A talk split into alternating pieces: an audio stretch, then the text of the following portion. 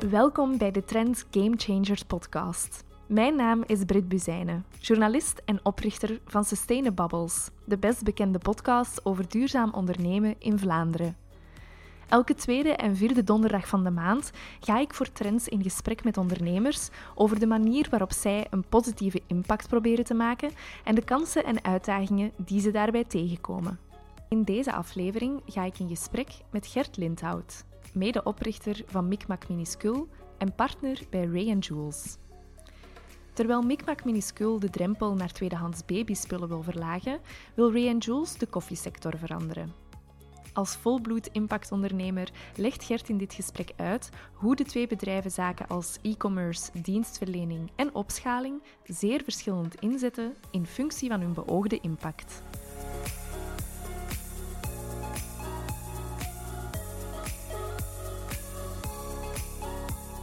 Welkom Gert in de caravan vandaag. Dank u wel. Het is hier ondertussen lekker warm aan het worden, dus dat is Mhm, altijd aangenaam. Ehm, Gert, de mensen die eh, de intro van deze aflevering hebben beluisterd, die Mhm. hebben eh, meteen gehoord dat jij een beetje een serial impact entrepreneur bent, als ik dat Mhm, zo... Als je twee als een serie ziet. Eh, voilà, dat is het begin van een serie, zou ik toch durven zeggen. Ehm, kan jij misschien zelf een keer uitleggen wat jij allemaal doet? Oké, ehm, eh, misschien teruggaan tot aan de studies of zo. Eh, Ik heb ehm, toen gekozen om, ehm, om, om voor bio-ingenieur te gaan, vanuit een interesse in levende materie, de planeet enzovoort. Ik ben eigenlijk via een omweg daarna bij Möbius terechtgekomen. Oké. Eh, dat is een adviesbureau, een, een, een spin-off van de Universiteit van Gent. Mhm. En binnen Möbius eh, ben ik dan onder andere mee verantwoordelijk geweest voor de oprichting van het, het, het team rond healthcare en later rond duurzaamheid en circulaire economie. En ehm, dat heeft mij toch wel op de inspiratie gebracht dat er heel wat dingen beter moeten en dat dat niet altijd evident is eh, in een adviesrol. Hè. Dat, is, dat heb ik lang gespeeld. Mm. En dan, ehm, dan heeft de geboorte van onze zoon de aanleiding gegeven tot de oprichting van Micmac Minuscule. En daar is het dan een stukje gestart. Oké. Ja, um, Micmac Minuscule, jullie bieden eh, tweedehands Mhm. geboortelijsten aan. Ehm, je vertelt al dat dat idee geboren is eigenlijk Mhm. bij de geboorte van je eigen zoon. Ehm, ja, vertel eens, hoe, hoe is dat eh, concept gegroeid? Want het is niet gewoon een, een webshop voor tweedehands Nee. kinderspullen, hè? Nee, zeer specifiek niet zelfs. Oké. Ehm, wel, het was eigenlijk zo dat eh, wij zelf, of mijn vriendin specifiek, Jona, is een enorm fervent tweedehandskoper. Ehm, en wij hadden ook voor de babyspullen eigenlijk alles al gekregen van familie en vrienden. En we hadden ook gevraagd eh, voor, eh, voor de geboorte van ons tweede kindje, voor Aren, om te schenken aan een goed doel. En als je Mm. echt niet, niet zag zitten om niets te geven, om iets tweedehands te geven. Oké. En ondanks die oproep hebben wij toch heel veel nieuwe dingen gekregen. Ehm, en dan maanden later is Jona letterlijk met het idee opgestaan. Maar wacht, als we hier dan toch zo sterk iets willen geven, kunnen we dan niet ervoor zorgen dat mensen gemakkelijk iets tweedehands kunnen geven? Mm. Want dat zeiden mensen wel heel vaak van, "Goh ja, ik, ik weet daar te weinig over, het is te veel werk, het is lastig, het is onveilig. En wij wouden eigenlijk dat advies en dat menselijke centraal zetten. Mm, Het feit dat iemand met ervaring, een jonge moeder, een jonge vader, u adviseert en zegt dat heb je nodig, dat heb je niet nodig. Ehm, dus het is echt een personal shopper Ja. eh, verhaal. En, en de, de, de, de, de klant geeft ook eh, een groot stuk de, de autonomie over aan de personal shopper om te zoeken Ja. eh, voor het koppel. Oké. Ehm, dus dat is echt een, een dienstverleningsverhaal. Vergelijk dat met een webshop of eh, stel nu een, tweede, een- of een tweedehands winkel. Ja, als je dat vergelijkt, er zijn alleen maar nadelen aan een tweedehands shop hebben. Je hebt minder dan de helft van de marge voor meer werk. Mm, En je ziet dan ook dat er heel veel starten en ook veel terug failliet gaan, omdat dat, heel, dat is rendabel te krijgen als je het op je eentje doet en heel kleinschalig. Maar dat was ons idee niet. We, Mm. wouden, we wouden dat mensen anders doen denken over dat geboortemoment. Oké. Ehm, dat is één invalshoek. De tweede invalshoek was, eigenlijk is Micmac Minuscule de eerste telg van de Micmac-familie. Dus we hebben er nog geen tweede, maar die zit wel in het hoofd. Ehm, eigenlijk is de idee van Jona geweest, ehm, wij willen werken rond belangrijke momenten in het leven. Want daar kun je het meest impact hebben op mensen hun leven. En de Mhm. geboorte is zo'n moment, maar ook het sterven is zo'n moment. Een, een huwelijk kan zo'n moment zijn.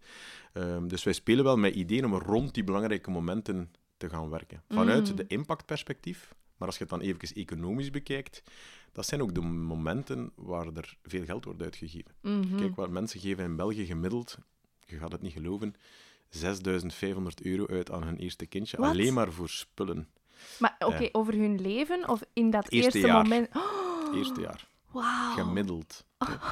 Eh, dus je valt van je stoel. Hè. Eh, je hebt- Amai. eh, dan heb je waarschijnlijk nog geen kinderen, want de geboortelijst kost wel wat duizenden euro's, ook een tweedehands geboortelijst. Ehm, als je dat zou moeten gaan doen met tweedehands individuele stukverkoop, ja, dan krijg je heel moeilijk rendabel.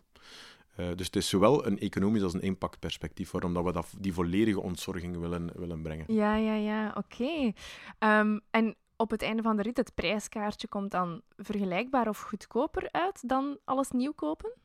Eh, ik denk dat je, als je alles rekent, dat je ongeveer op, op 55, 60 procent uitkomt. Oké. Vergelijkbaar met, dus laten we zeggen, een gemiddelde geboortelijst is tussen ja, 2000 2200 euro bij ons. In vergelijking met die 6500, maar dat is niet ehm, alle producten voor een derde van de prijs. Maar wij zeggen ook voor een aantal dingen, dat heb je niet nodig. Dus, ehm, Mm, mhm. dus, eh, maar dus het is inderdaad een deels een besparing doordat het tweedehands is. En het is een deels een besparing doordat, eh, doordat je, dat we zeggen dat je het niet nodig hebt. Ja, ja. Ehm, het is wel zo, ehm, omdat we wel merken dat we een bepaald doelpubliek van vaker toch hoger opgeleide mensen bereiken. oké. En dus eh, dat was niet de initiële oprichtingsidee. We wilden graag iedereen in de maatschappij brengen. We wilden duurzaamheid eigenlijk betaalbaar maken. Mhm. Eh, we dachten tweedehands, circulair is een mooie. Mhm. ehm, maar omdat ons dat niet lukt om, om, om, om, eh, om breed in de maatschappij die doelgroep te bereiken, deels ook doordat tweedehands soms een, een, een negatieve connotatie heeft, hè, Hmm. ehm, hebben wij ehm, de voorwaarde opgelegd dat om klant te worden,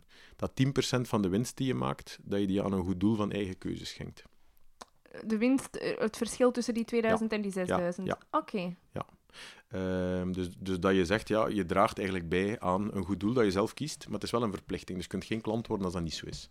Oké. Ehm, omdat we dan op die manier, en ik denk dat dat dit jaar toch al richting 100.000 euro gaat, ehm, naar meer dan 100 verschillende goede doelen. Wij leggen dat ook niet op, wij stellen dat ook niet voor. We hebben zoiets van waar jij je geconnecteerd mee voelt, maar Mhm. wel, het is wel niet vrijblijvend. Hè. Dus, dus in dat opzicht...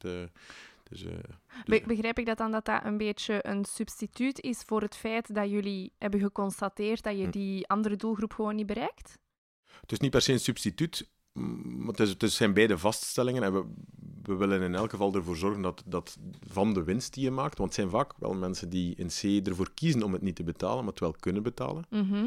ehm, van ook aan het denken te zetten dat je op zo'n moment, in zo'n mooi moment, dat je misschien ook aan een mooi moment voor anderen kan denken. Mm, mhm. Ehm, Ja, maar ik vind het wel interessant, want heel veel duurzame ondernemers worstelen daar ook mee. Hè? Concluderen dat hun Mhm. Ja. product eh, allee, eh, niet zo toegankelijk is als ze Mhm. zouden willen, of Mhm, niet mhm, iedereen bereikt Ja. die ze zouden willen. Maar ehm, bouwen dan de redenering op van, oké, maar dan is het zo en dan, Ja. eh, we moeten, beginnen, we moeten Ja. bij een segment beginnen. Ik vind het wel heel zot dat jullie dan zeggen van, ah, maar dan gaan we zien wat dat we nog meer uit dat segment kunnen halen om impact te maken. Ja, ja. Bijvoorbeeld een van de meest recente ideeën is ook om in het geven, de, de, de mensen die van de geboortelijst een cadeautje geven, om daar ook ehm, aan toe te voegen van hey, dit is het goede doel die de ouders gekozen hebben, wil jij er ook nog iets aan bijdragen? Oké. Ik denk dat dat ook nog redelijk wat effect gaat hebben, want wat maakt dat uit of dat je nu 5 euro, maar als iedereen 5 euro geeft op een lijst met 50 stuks op, telt snel door. Dus, dus je begint wel te merken dat de kracht van de grote getallen, en dat is ook onze, onze idee. We hebben dit jaar onze oprichtingsdoelstelling bereikt, of eh 2000 ton CO2 per jaar eh, vermijden, Eh, en, ehm en 100.000 euro naar het goede doel, maar ook, we bereiken nu 1% van de Vlamingen of van de jonge ouders. Hè. Dus eh, dat was eigenlijk wat dat we graag wilden bereiken als een soort, niet per se als een eindpunt, maar zoiets van, hey, dat zouden we tof vinden. Mhm. Ehm, als je dat ziet, ja, een geboortelijst gaat ook naar 100 à 200 mensen worden kaart gestuurd. Dus mensen verspreiden de gedachte ook Mm. via die geboorte. En dat was eigenlijk het hele idee erachter om een soort wave-effect op eh, te dingen. En, Ja. Maar daar, daar moeten we wel nog meer rond doen, denk ik, eh, om, om dat wave-effect nog meer te creëren. Maar, maar eh, het is tof dat mensen dat, die duurzame sociale keuze als een soort identiteitskeuze gaan uitdragen aan een omgeving. Mm. En daar geloven wij fel in, want dat moment van die geboorte van een kindje is toch zo'n krachtig moment. Mhm. Eh, we, we willen dat eigenlijk gebruiken om zoveel mogelijk positieve waves te creëren. Daar komt het Mhm. eigenlijk op neer. Ja, super inspirerend. Wauw.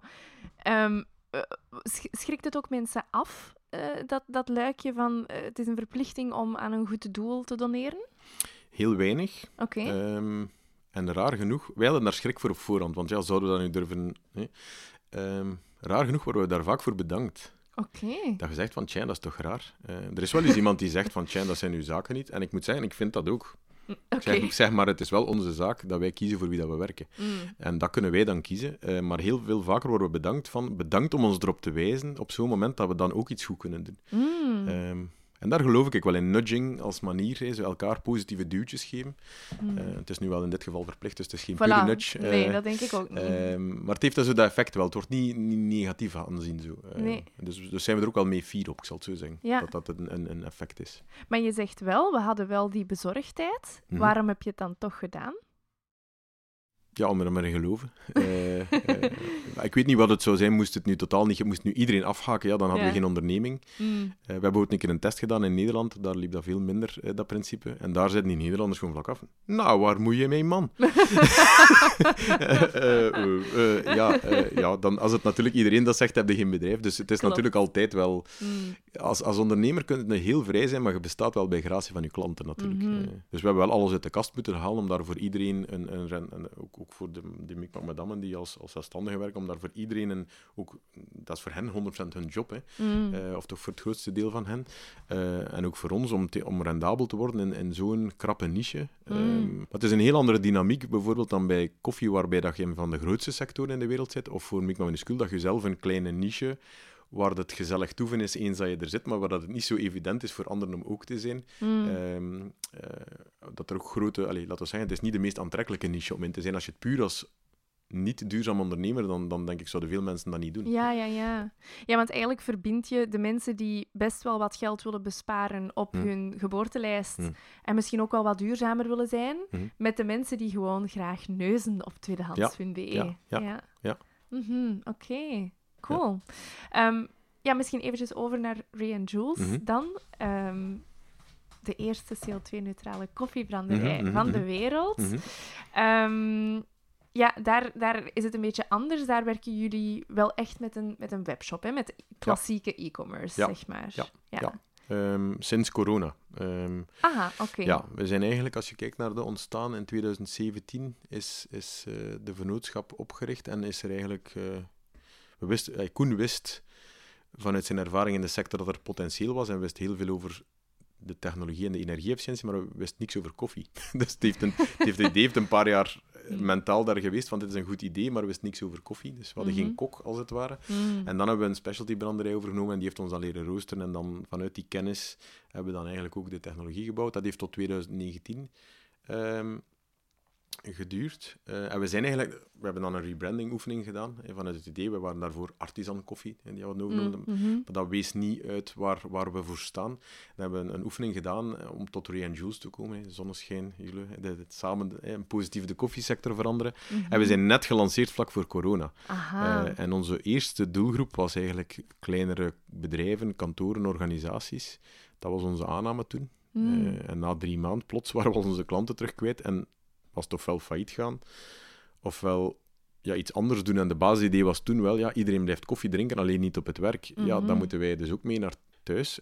Maar wij als kleine organisatie, we zagen niet veel andere mogelijkheden dan, dan om het ja, via online te doen. Mhm. Ehm, zeker, zeker omdat wij enorm geïnvesteerd hebben. Eigenlijk heel risicovol wat Koen gedaan heeft op voorhand. Mm. Ja, wij moesten ook wel voor 20, 30 voudig om rendabel te worden. Dus het was niet van, ja, we gaan een keer proberen hier her en der. Mm. Ehm, en dan hebben we eigenlijk, in de eerste golf hebben we dat eigenlijk puur op wilskracht en op eigen netwerk gedaan. En dan zijn we er wel in geslaagd om onze omzet toch te vervijfvoudigen, wat toch niet, niet min was. Dan daarna hebben we eigenlijk verder geïnvesteerd en gezien dat werkt. En dan hebben we er ook expertise voor aangetrokken en hebben we er een team rond opgebouwd. Mhm. Eh, want e-commerce is een, is, een, is een skill net zoals koffieroosteren. Dat is echt, als je daar niks over weet, dan ben je, dan een vogel voor de kat. Ja, Eh, ja.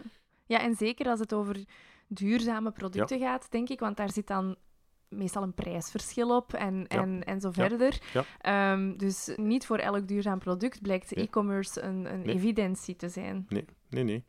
Ehm, en dat is ook denk ik wel wat een handicap aan duurzame producten, dat ze duurder zijn. Vaak zijn ze juister, denk ik, maar het probleem is dat je concurreert met onjuiste prijzen vaak. Hè.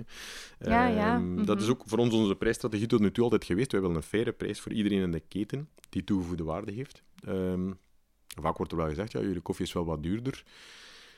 Ja, dan zeg ik altijd, ja, ik weet niet of hij zoveel duurder is. In elk geval, het is gelijkaardig met koffie van vergelijkbare kwaliteit. Dus als je bij een artisanale rooster, die ook lekkere koffie roostert, Mm. eh, dan betaal je gelijkaardige prijzen. En, en Mhm. die prijs laten ook toe om iedereen in de keten, ook de boer in het zuiden, de coöperatieven, eh, te betalen.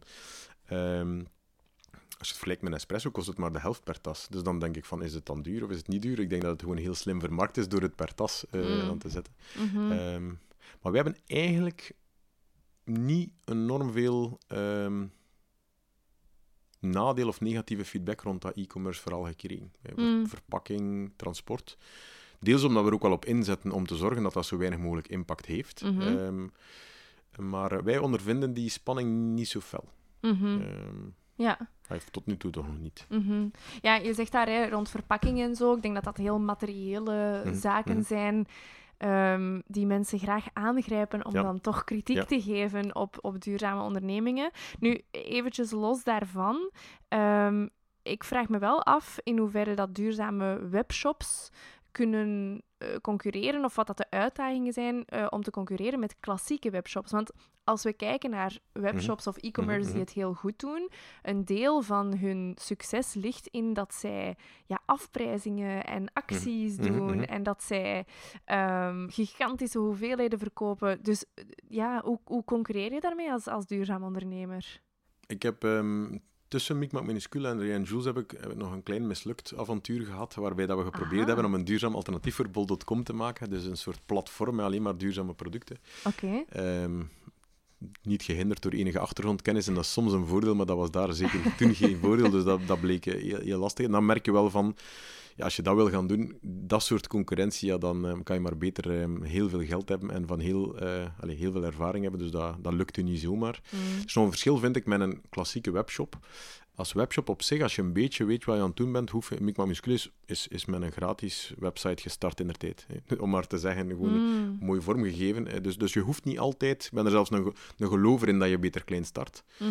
Eh, Dat is een beetje de Zalando-mythe. Ik bedoel, zij zijn ook gestart met schoenen online te verkopen, niet door een duur platform te bouwen, maar gewoon om de hoek schoenen te gaan kopen, te fotograferen, op een gratis website te zetten en van zo gauw dat de eerste schoenen werden verkocht, hè, gingen ze Mm. dan snel gaan kijken, hop, ik ga ze gaan halen uit de winkel, ik, ver- ik verzend ze zelf. En dat is meer de toets die je moet doen. Dus in dat opzicht is dat voor mij voor een duurzaam product niet anders dan voor een ander product. Mm. Maar je moet wel weten dat gewoon online verkopen een expertise vraagt. En als je Mm. dat niet, eh, niet in huis hebt, dan moet je het ergens anders vinden. Dat kan duur zijn, en zeker nu, want iedereen speelt op die markt. Dus eh, Mm. ik denk dat meer de, de, de e-commerce expertise is die je dan mist. Mm. Ehm, en ik weet niet of die spanning zo groot is tussen duurzaam en niet duurzaam. Mhm. Wat voor ons een gigantisch verschil maakt doordat we zo radicaal duurzaam zijn, is dat we heel veel met partners kunnen werken. Oké. Die eh, bijvoorbeeld een natuurpunt, een Sera, eh, een veld, eh maar wie dat wij samen acties doen vaak. Hè. Dus wij doen ook acties naar, naar, naar, naar leden of naar, naar klantenwerving toe. Ehm, maar als we dat met partners zoals zij doen, dan, dan, dan, dan lukt dat veel beter om bepaalde doelgroepen met een overlappende waardeset te bereiken. Mm. En dan kan het ook sneller vooruit gaan. Mhm. Ehm, dus, ehm, dus voor ons is dat wel de groeimotor geweest. Die partnerships eigenlijk. Eh, ja, ja, ja. Niet zozeer onze software of onze... Ja, misschien wel een beetje de kennis, maar onze software is, of onze website is zeker niet Mm. beter dan die van iemand anders. Mhm. Ja, en wat ik me ook afvraag, in hoeverre speelt het in jullie voordeel dat je vanuit één nicheproduct bent vertrokken? Want ik zie wel wat webshops die een arsenaal aan Mhm. duurzame producten samenbrengen, maar bij jullie Ja. is het anders, hè? Ehm, voor- en nadeel tegelijk. Hè. Dus je, hebt mensen die zeggen, ja, sorry, ik koop koffie in de supermarkt of op de collect and go erbij. Ik heb daar geen tijd voor. Mhm. Eh, bijvoorbeeld, eh, we hebben meer oudere klanten dan, dan, dan jonge ouders, bijvoorbeeld. Ehm, omdat jonge ouders vaak zo denken, zij bestellen meer online, maar zij zeggen vaak, ik heb geen tijd met kinderen om al die extra's hier en daar te kopen. Dus het is een nadeel van maar, maar één type product of een paar productjes te hebben. Aan Mm. de andere kant, als je een heel assortiment wil hebben, dan heb je ook de hele voorraadlogen. Dan word je snel een retailer natuurlijk. En in Mm. een retailmodel zijn, de, zijn, ja, heb je voorraadvraagstukken, cashvraagstukken, maar zijn je marges ook twee of drie keer lager. Mm. Mhm.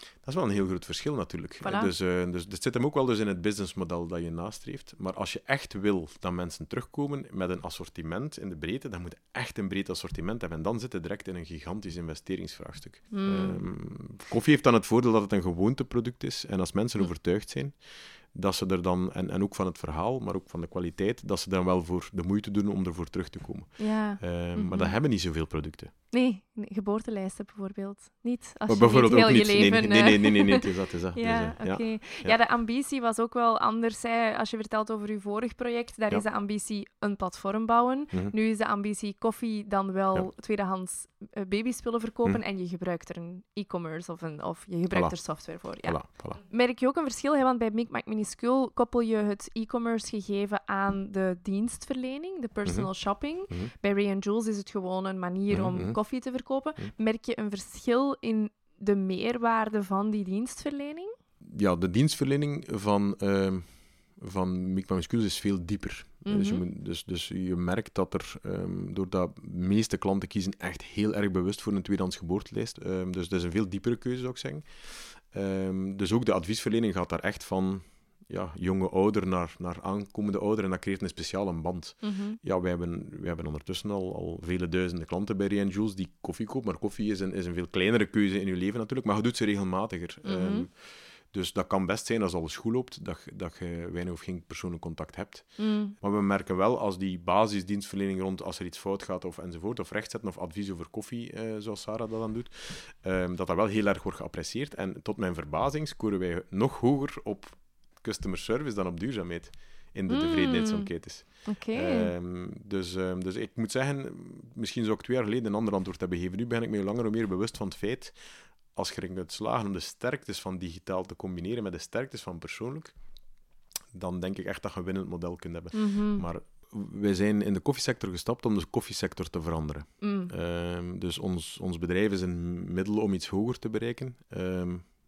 En dat hoger is de koffiesector veranderen. En daar, daar moeten we ons dus afvragen, wat gaat ervoor zorgen dat we voldoende slagkracht krijgen, dat, mensen, dat we mensen bewust kunnen maken.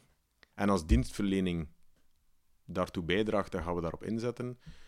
Maar ik wil zeggen, om er nu verder helemaal een dienstverleningmodel rond te gaan bouwen, is geen doel op zich. Mhm. Eh, tenzij dat het de effectiefste methode blijkt om onze impact te bereiken. Ja, Eh, oké. voilà. Ja. Ja, maar jullie doel bij Micmac Minuscule was daarentegen wel om meer mensen aan de tweedehands geboortespullen te Ja, krijgen. En dan was dat dienstenmodel gewoon de meest... allee, de beste weg daar naartoe, Ja. begrijp ik. En één waar dat we in geloven. Hè. Waar dat we dat menselijk verhaal en, en zo. Voilà, dat is zowel voor klanten als voor de mensen die het dan die graag zoeken, dat het dan een fijne Hmm. job creëert, is, eh, is geen trivialiteit, vind ik. ja. Nee, nee, absoluut niet. Ehm, ja, even over Ray and Jules, omdat je het al aanhaalt van hey, we willen die sector door elkaar Hm. Ja. schudden. Wij hebben al eens eerder een interview gehad. Mhm, mhm. Ehm, en daarin vertelde je mij van ja, wij willen daar zelfs zo ver in gaan. Wij Mhm. hebben nu een Ja. CO2-vrije ehm, koffiebrander op zonne-energie. Maar we willen eigenlijk heel die keten gaan verduurzamen. Zelfs als dat betekent dat wij zelf irrelevant worden in die keten. Ik heb ooit een keer een heel inspirerende prof gehoord, Felipe Santos, die zei van impactondernemingen onderscheiden zich op een aantal vlakken van traditionele ondernemingen, maar één daarvan is dat ze impact willen behalen en, en ondernemerschap als een middel zien. Mhm. En in extremis, als je je doel kunt bereiken zonder er zelf nog aan deel te nemen, dan heb je ook je doel bereikt. Dus die was daar heel...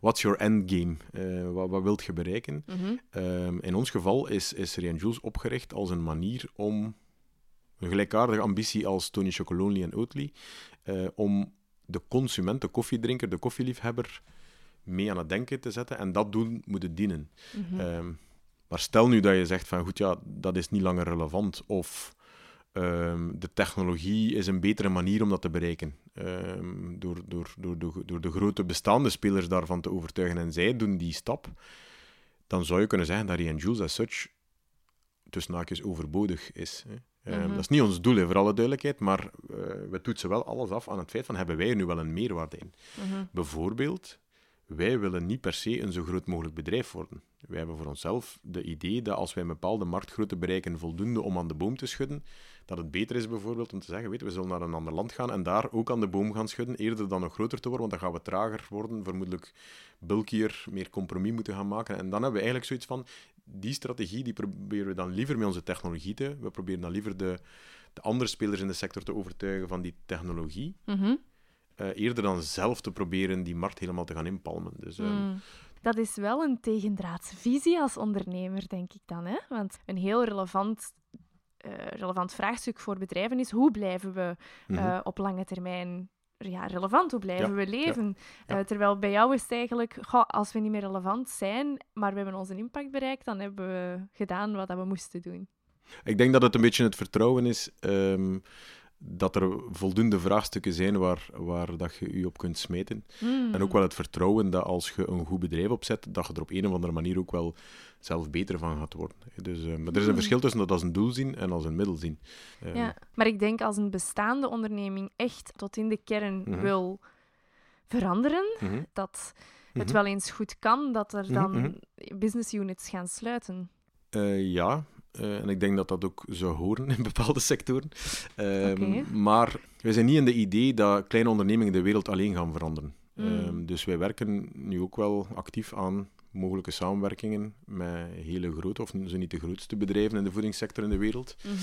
Ehm, en ik moet wel zeggen dat ik daar ook een echte drive voel om die, die dualiteit tussen impact en, en, en louter winst, om die op orde te krijgen. Dus dat verantwoordelijkheidsgevoel is echt wel fel aan het toenemen. Mm. Je merkt ook bijvoorbeeld, kijk naar Danone, kijk nu naar Unilever deze week in het nieuws. Mhm. Ehm, een van de grote aandeelhouders die zegt, oh, doe een keer met je core business bezig, met in plaats van die duurzaamheidsobsessie. Mhm. Eh, Danone, de CEO die ontslagen is omdat hij te duurzaam was. Exact. Dat zijn allemaal voorbeelden van, van wel reële initiatieven, vaak gedreven door mensen, Mhm. vaak aan de top van een grote organisatie dan in dit geval, die er toch wel op wijzen dat er iets aan het veranderen is. Mm.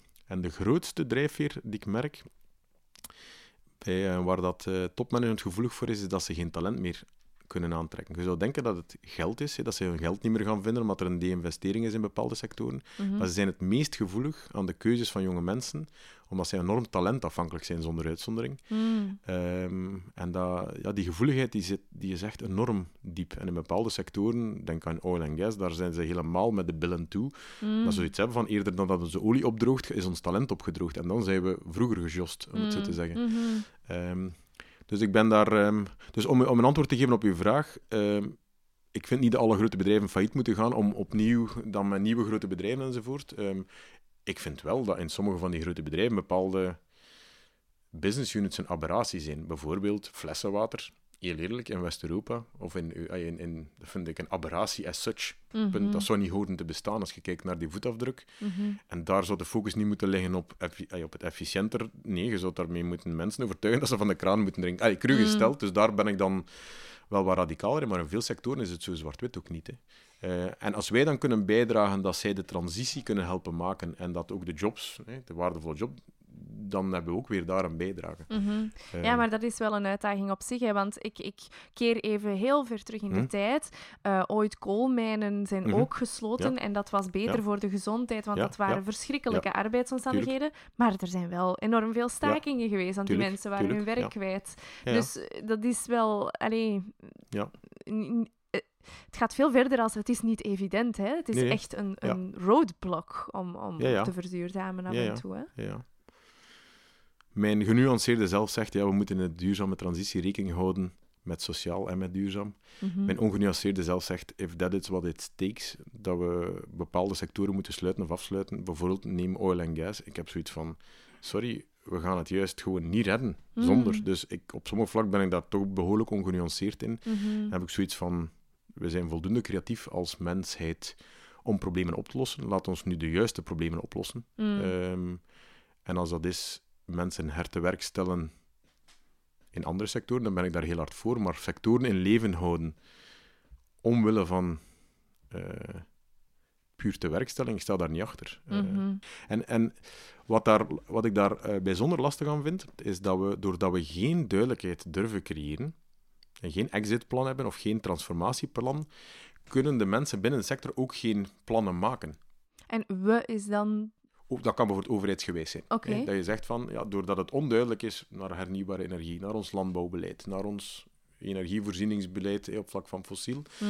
is het ook heel moeilijk voor de on- ondernemers om te gaan investeren. Is het heel moeilijk eh, voor mensen die erin zitten om ja, lange termijn te gaan denken, waardoor dat we heel lang te vaak wachten en dan een holder-de-bolder oplossing moeten verzinnen. Mm. Denk bijvoorbeeld aan de kernuitstap nu in België, nog los van wat je daar nu vindt, maar als je bepaald moment besluit, ik doe iets, dan moet je niet wachten tot twee jaar voordat je het zou moeten gedaan hebben, om dan met oplossingen te komen die niet ideaal zijn, en dan te zeggen, zie een keer, het is niet ideaal. Dus daar heb ik Mm. persoonlijk een hekel aan. Een, een, het uitstellen van problemen totdat ze bijna te laat zijn en dan zeggen het gaat niet zonder pijn. Mm. Ja, maar dat is net het probleem bij gedragsverandering, dat je heel vaak te lang wacht. En klimaatverandering zie ik gelijkaardige dynamieken. We gaan, vrees ik, puur vanuit gedragspsychologie te lang wachten, waardoor de pijn veel groter wordt. Mhm. Ja, dan heb je het specifiek over klimaat, maar eh, maar als je het hebt over werkbaar, eh, werkbaar Ja, ja. werk of zinvol werk, ehm, de organisatie Ja. van onze economie, van onze maatschappij, dan zijn dat dingen die zich ook wel opdringen, denk ik. ja, ja. Ik ben trouwens ook geen gelover dat als we in het huidige denken, maatschappelijk, economisch denken, stel nu dat we klimaatverandering tussenhaaks kunnen oplossen, dan denk ik zijn we aan het volgende probleem. Mm, hè. Ehm, mhm. Dus ik denk dat onderliggend er wel een probleem is met het feit van wat vinden wij belangrijk maatschappelijk en waar sturen we nu op? Mm. Ehm, nee. Ja, ik vind dat interessant dat je dat zegt, want ehm, er wordt wel heel veel nadruk gelegd op klimaat hè, de laatste Mhm, paar mhm. jaren. Mhm. Vind je dat dan altijd bevorderlijk? Voor het klimaatvraagstuk wel. en vanuit de frustratie dat het al 50 jaar toch relatief duidelijk was en dat het toch heel lang duurt, vind ik het ook wel begrijpelijk. Ik denk alleen dat de onderliggende problematiek dan niet per se gaat. Het blijft... Ik heb het gevoel dat we telkens elk probleem als individueel probleem aanpakken en niet het grotere systeem zien. Ehm, en ik denk, zolang als we dat gaan blijven doen, gaan we van het ene in het ander sukkelen, denk ik. Mm, mhm. Ehm, maar dat gaat toch wel iedereen vragen, alle actoren vragen, om dat te veranderd te krijgen. Dus dat vind dat toch geen evidente... Ja, ik ben, ik ben eh, blij dat je dat zegt, want daarnet zei je van ja, hè, ehm, het is moeilijk om in bepaalde sectoren bepaalde stappen te nemen, omdat er geen duidelijkheid is van Mhm. het beleid. Kan je als ondernemer dan niet voor een stukje sturen? Of kan je, Mhm. dat niet, allee, kan je niet voor jezelf beslissen, dit is waar ik in geloof en Mhm. voilà? Ja. Dat is ook wat we vandaag al gedaan hebben, denk ik. Dus we hebben gezegd, weet, we gaan niet wachten. Mhm. Maar het is niet omdat je, als, als, dat je één pad dan alvast start, dat daarom de andere paden niet ook nodig zijn. Bijvoorbeeld, wij zijn met Ryan Jules nu zelf gestart en wij roosteren op zonne-energie. Dat heeft een zeker impact. Laten we zeggen, jaarlijks een paar honderd ton CO2 die we besparen. Mhm. Dat is mooi. Mhm. Ehm, in de totale sector, alleen voor het roosteren, spreek je over 10, 15 miljoen ton. Ja, ik durf zeggen dat als uitstootrechten voor de type bedrijven waar dat wij voor de voeding nu praten, al tien jaar de norm waren, dan was er al de helft overgeschakeld op hernieuwbare energie. Mm, mhm. Nu kunnen we dan de vraag stellen, wie, is dat, wie heeft niet zijn verantwoordelijkheid? Niet is het dan het bedrijf of is het dan de overheid? Maar goed, het zou in dat geval helpend zijn Mm. dat het beleid helpt om de juiste keuzes te steunen. Dus beleid zou toch minstens een nudgende werking moeten hebben ehm, richting het juist gedrag, denk ik dan. Allee, Dat zou, Mhm. toch, zou ik dan precies toch eh, helpend vinden. Mhm. Ik vind het niet helpend dat je voor 30 euro kunt vliegen en dat je 300 euro voor de trein betaalt. En Mm. da- dan denk ik van, allee, dat is toch raar. Jij en ik allebei. dus, dus dan denk ik van, mm, hey, zo, dus, Ja. dus, dus ja, dus, ehm, Mhm. dus eigenlijk, ja, zwart. Ja, dat begrijp ik. Oké. Ehm, wat hoop jij nog te realiseren bij de ondernemingen waar dat jij nu in zit, of daarbuiten? Goh, ik weet dat eigenlijk niet. Oké. Als je me nu had gevraagd, tien jaar geleden, hè, toen ik zeven, acht jaar bij Möbius werkte, of als bio-ingenieur in de voeding, jij gaat ooit tweedehands geboortelijsten en met dingen, ik zou echt voor, totaal voor gek verklaren. hebben. Ik, ik, ik, ik, ik heb in de tijd voeding gedaan, als, als bio-ingenieur in de chemie, maar ik had niks met voeding. Mm. En nu ben ik plots in de voeding. Mhm. Dus ehm, ja, misschien wil ik wel ook geen plan. Eh, eh, alleen moet ik wel toegeven dat, ik- dat ik last heb van eh, misschien wat impact-grootheidswaanzin. In de zin van... Ik, Impact, grootheidswaanzin. Wat een, Eh. het, het woord van 2022, nu al. nee, ik wil zeggen, ik, ja, ik, ik, op vlak van impact moet het wel altijd groter en meer en, en, en sneller voor mij. Dus ik, ik voel wel dat ik niet kan... eh, ik, ik, ik, eh, voor, mij, voor mijzelf is het in deze levensfase moeilijk om niet groot te denken. Mm. Waar dat ook wel een zekere onrust teweeg brengt natuurlijk. Maar je zegt van, ja, kom aan. En, en ik voel een zekere urgentie. Ja, Ehm, oké. Dus, eh, Waar dat- andere mensen dat met winst hebben, heb jij dat met impact. ja, ja, dat is wel zo. wat. Ehm, Ja. Ja, en dat is zelfs een gevaar misschien wel een beetje. Ehm, als ik voorbeeld tussen Ryan Jules en Micmac Minuscule, bij Micmac Minuscule merk ik, ik merk onder andere door- doordat ik daar grootheids, impact, grootheidswaanzin misschien soms wat heb, is dat dat soms enorm lastig is voor de mensen rondom mij, omdat ik altijd maar meer en altijd maar Mm. harder wil. En soms willen mensen dat niet. Eh, bijvoorbeeld Mm. met Minuscule merk ik, zitten we nu op een gezonde grootte, vooral willen we vooral rond stabiliteit en teamwerking werken. En ik denk dat dat nu belangrijker is dan groter of meer. Mhm. Ehm, want dat is wel al een heel pad geweest voor mezelf om te zeggen: oké, misschien is de meerwaarde van Minuscule ook wel, naast wat we direct bereiken en naar de klanten en indirect toe, ook wel dat we een soort kweekvijver zijn Mm. om, om, om, om, om de, de medewerkers en soms ook klanten mee aan te zetten tot Mhm. een vorm van ondernemerschap. Ik bedoel dan in de brede zin van het woord in het leven. Mhm. Meer een kweekvijver-idee dan een... Mhm. Terwijl dat Jules, doordat het een technologisch bedrijf heeft, dat heeft echt ja, de kenmerken van, van scaling of hyperscaling. Dus daar kun je echt groot denken en denken in honderdduizenden of miljoenen tonnen CO2.